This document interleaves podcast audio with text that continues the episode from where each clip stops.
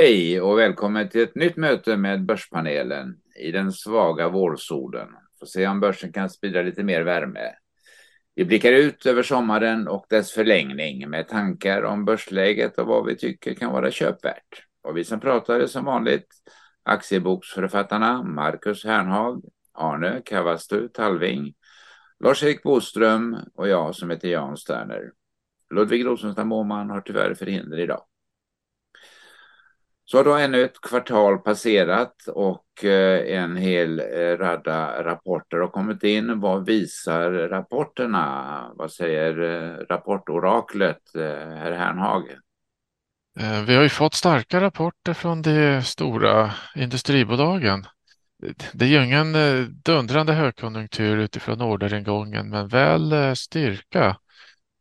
Sandviks organiska orderingång var upp 2 procent ABB ökade med 9 procent i jämförbara enheter. Alfa Lavals orderingång imponerade med att stiga organiskt 25 procent under första kvartalet. Atlas Copcos orderingång eh, växte 5 procent av egen organisk tillväxtkraft. Epirocs eh, organiska tillväxt var eh, för orderingången då 1 procent exklusive Ryssland. Eh, sen är det viktigt att poängtera att det tillkommer ju positiva effekter från den starka dollarn och eventuella förvärv. Så totalt sett har ju orderingångarna därför ökat klart mer än dessa siffror. Vad har du läst in av rapportfloden, Arne? Ja, man kan säga att tre fjärdedelar av rapporten har kommit in och det gäller då large mid small cap. Och snittet per rapport ligger minus 0,59 procent. 48 procent av bolagen stiger rapportdagen och 50 procent sjunker. ungefär vart åttonde bolag stiger eller sjunker med minst 10 procent. Och min iakttagelse är väl generellt att eh, stigande omsättning i bolagen och eh, omsin, omsättningstillväxten den, den sjunker, eh, liksom eh, vinsttillväxten som också är avtagande. Och varför omsättningen ökar, det måste ju vara inflation, inflationsdrivet som jag ser det. Lars-Erik, är du också en rapportnörd? Ja, men tittar man på det som har kommit, alltså relativt marknadsprognoser och förväntningar kan man säga att det har varit en tydlig styrka i både resultat och försäljningen, framför allt för, för en del large cap-bolag och, och framför allt för industribolagen. Där till exempel Atlas Copcos rapport var väldigt stark då. Har ni några andra reflektioner från eh, året hittills så att säga? Vad säger Arne? Ja, man ser ju att fastighet och bygg tappar ju mot index hela tiden. Och liksom, eh, vad ska man säga, eh, skog, eh, samma sak där, att de tappar ju kraftigt mot, mot index. Och då menar jag de här storbolagen. Det som är eh, intressant det är ju spelbolagen Betsson Kindred till exempel och verkstad går ju väldigt stark, eh, starkt mot, mot index. Det som är intressant också det är bankerna som ofta brukar betalas, nu menar jag storbank, de här fyra vi har, eh, de brukar betalas mellan 10 och 12 i PE. De är nere i snitt nu på 8. De har verkligen tagit ut en hel del av kommande eh, kreditförluster. Och skulle det inte bli så mycket kreditförluster, då är det väldigt billigt med bank i princip kan de köpa upp sig själva på åtta år om de inte ger någon utdelning. Väldigt billigt. Lars-Erik, några reflektioner från utöver rapporterna? Ja, man kan väl titta lite grann på lite olika tillgångslag. Vi har haft eh, generellt sett fallande råvarupriser med naturgas och olja till exempel.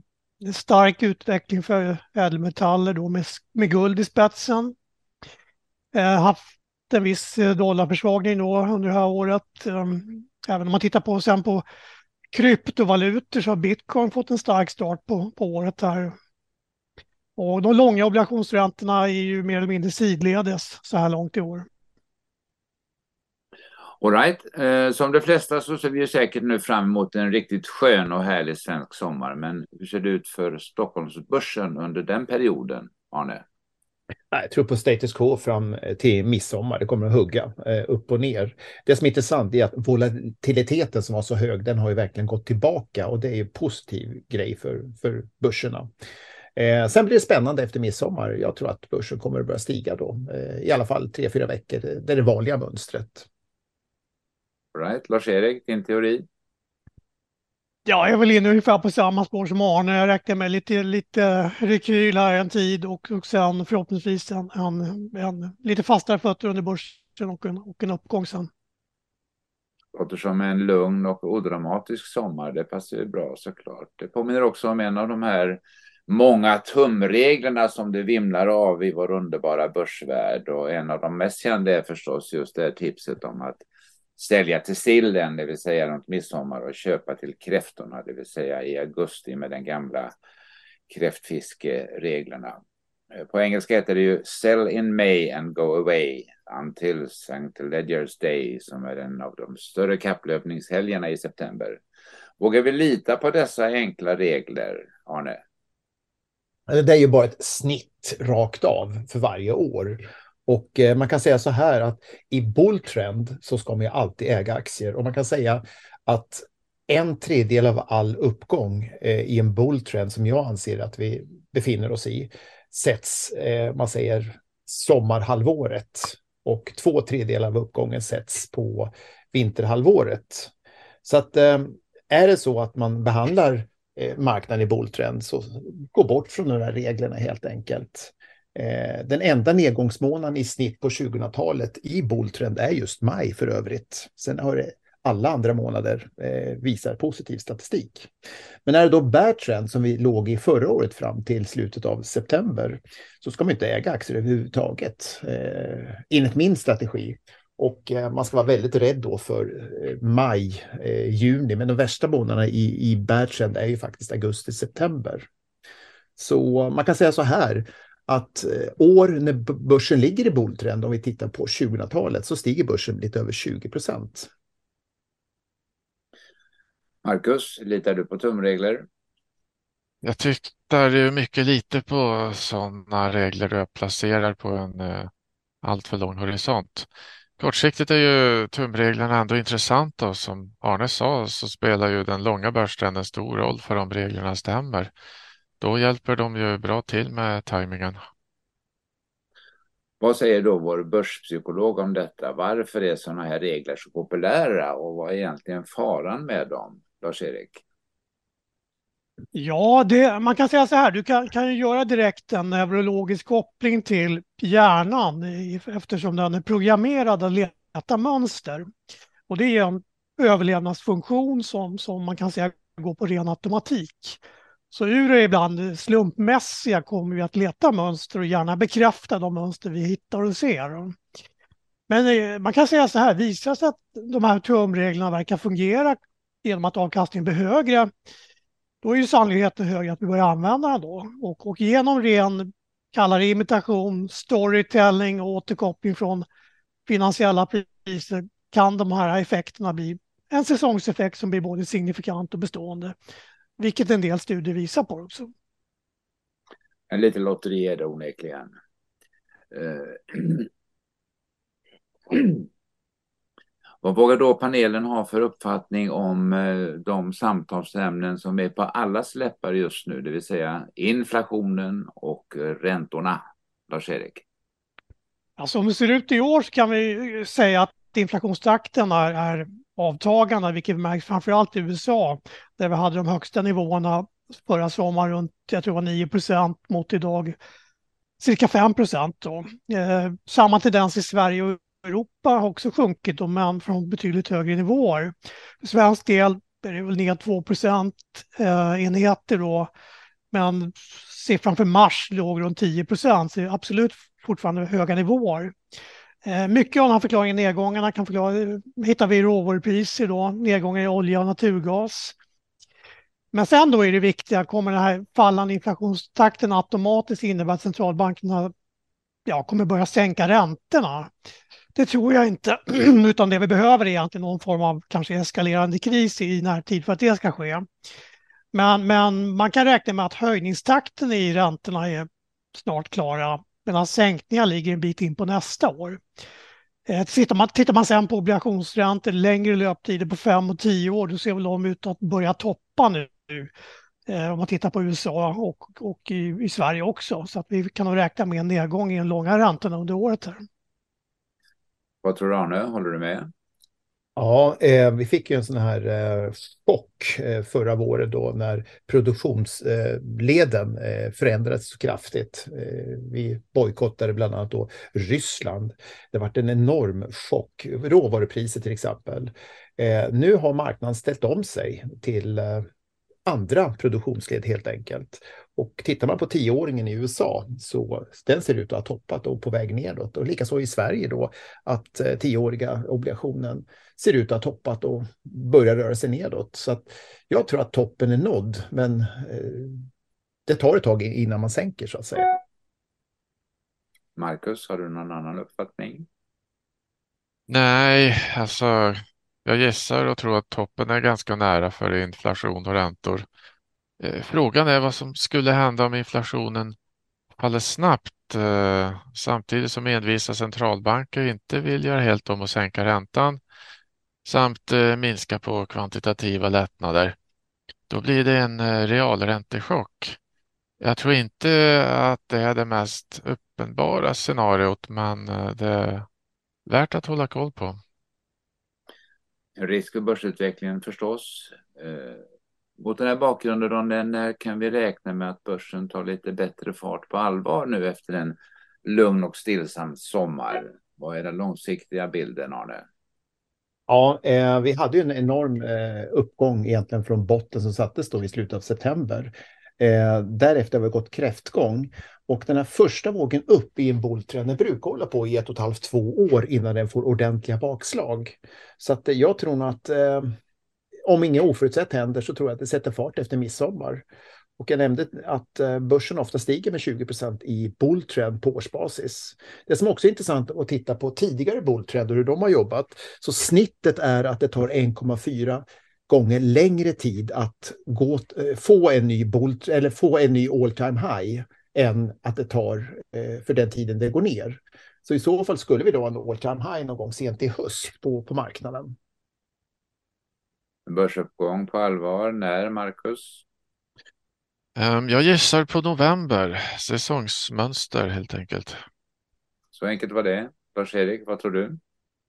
Ja, jag tror att man kan få en, en bra börssommar. Tittar man på, om man tittar på den svenska börsen isolerat då, eh, vi har stigande primärtrend i form av 200 dagars glidande medelvärde, vilket höjer sannolikheten för en bra börs. Då. Det vi väntar på egentligen är att USA och S&P 500 ska bestämma sig. Svenska börsen kommer inte stiga upp till ny all time high om vi inte får fart på den amerikanska börsen. Eh, S&P 500 har handlat med högre bottnar sedan i oktober men är ju mer sidledes än Sverige så här långt.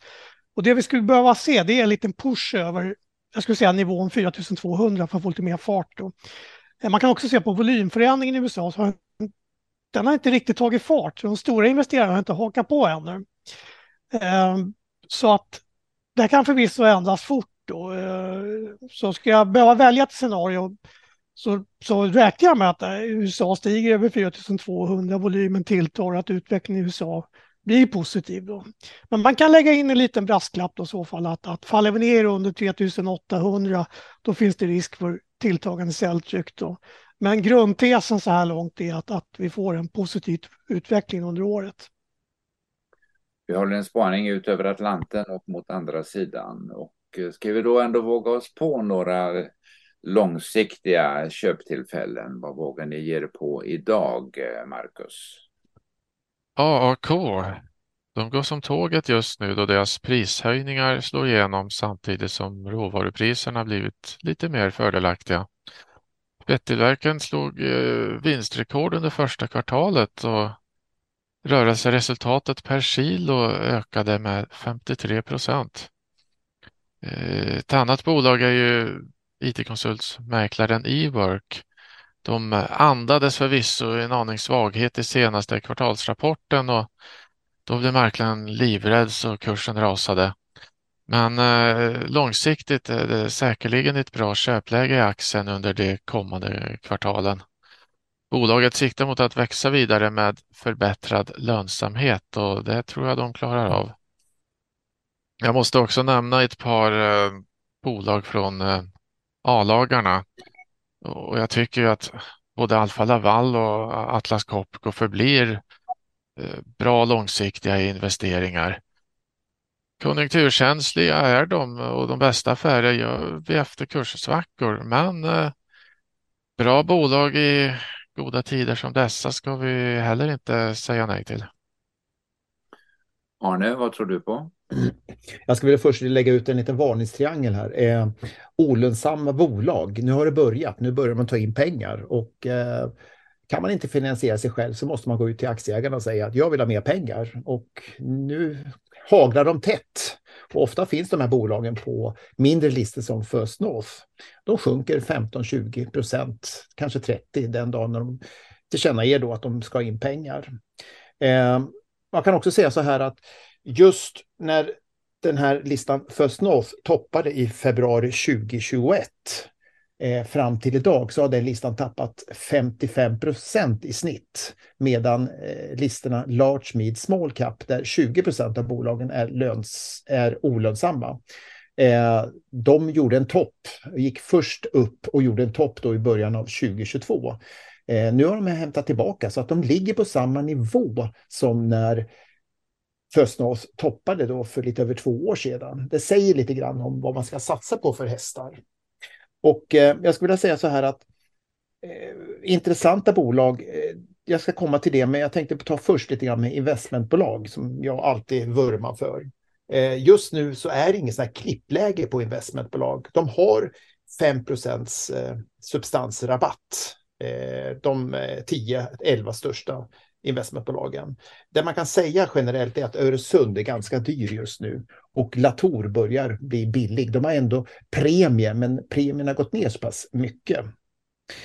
Eh, annars så tycker jag när det gäller rekommendationer så är det fokus då på lönsamma bolag som har historiskt bra eh, lönsamhet och där har vi Evolution, vi har Fortnox, vi har Indutrade, vi har Lagerkrans, Lifco, Nibe och OEM. Strålande. Lars-Erik, vad tror du på? Nej, men jag håller väl med att man, man ska titta på bolag som har eh, bra kvalitet, vinster och fin historik. Men jag har tagit fram två, tre stycken eh, eh bolag här som jag tycker har en uppsida på en 20-25 procent. Den första är Nederman, då, Bolag är ju ja, miljöteknikföretag, de inriktning mot ja, industriell luftrening. Hade en okej okay kvartalsrapport där bolagsledningen signalerar marginalförbättringar. Eh, sen har jag Thule som är fokuserad på detaljhandel mot fritidsutrustning. Eh, fick en positiv reaktion i samband med kvartalsrapporten då som var, visade på bättre marginaler. Har haft en väldigt fin historik, vinsttillväxt har tappat ja, runt 45 procent från toppen nu och ser väl ut att bilda någon form av bottenformationer. Så räknar man med en viss återgång till den historiska lönsamheten där det tycker jag är starkt köp. Då. Sen har jag Troax då, som arbetar med ja, egenskydd och fysiska nätväggar och liknande. Ehm, även i rapporten att organiska försäljningen var lite ner så, så rapporten bättre än marknadsförväntningar. Då. Eh, bland annat genom bättre marginal och via kostnadsreduceringar. Eh, här ser vi också samma tendens att aktien ser ut att bottna ut och, och de tekniska indikatorerna blivit positiva. Så de tre tycker jag ser ut att ha en uppsida på runt 20-25 procent. Tack för det. Vi kan också göra en liten annan utblick över Atlanten och eh, tipsa om en av våra favoriter, åtminstone min eh, stora favorit bland eh, investerare, nämligen Warren Buffett. Han har ju sin spektakulära årsstämma i Omaha, Nebraska, lördagen den 6 maj med runt 20 000 förväntansfulla aktieägare och besökare. kommer säkert ut en hel del intressanta synpunkter från den livfulla stämman, så håll utkik efter det i media. Eh, med det säger vi väl nästan tack och hej med en liten sommarbonus för dig som behöver eh, börslektyr. Perfekt för hängmattan och för en lugn börssommar. Gå in på sternersforlag.se, sternersforlag.se och se vad du gillar. Det finns mycket att välja på av panelens medlemmar. Och med rabattkoden BP20, alltså det är tänkt som Börspanelen avsnitt 20, BP20, stora eller små bokstäver och utan mellanrum så får du 20% rabatt på alla titlar. Erbjudandet gäller hela nästa vecka, men passa på redan idag så du inte missar detta erbjudande. Och med det säger vi glad sommar till alla lyssnare och på återhörande. Hej!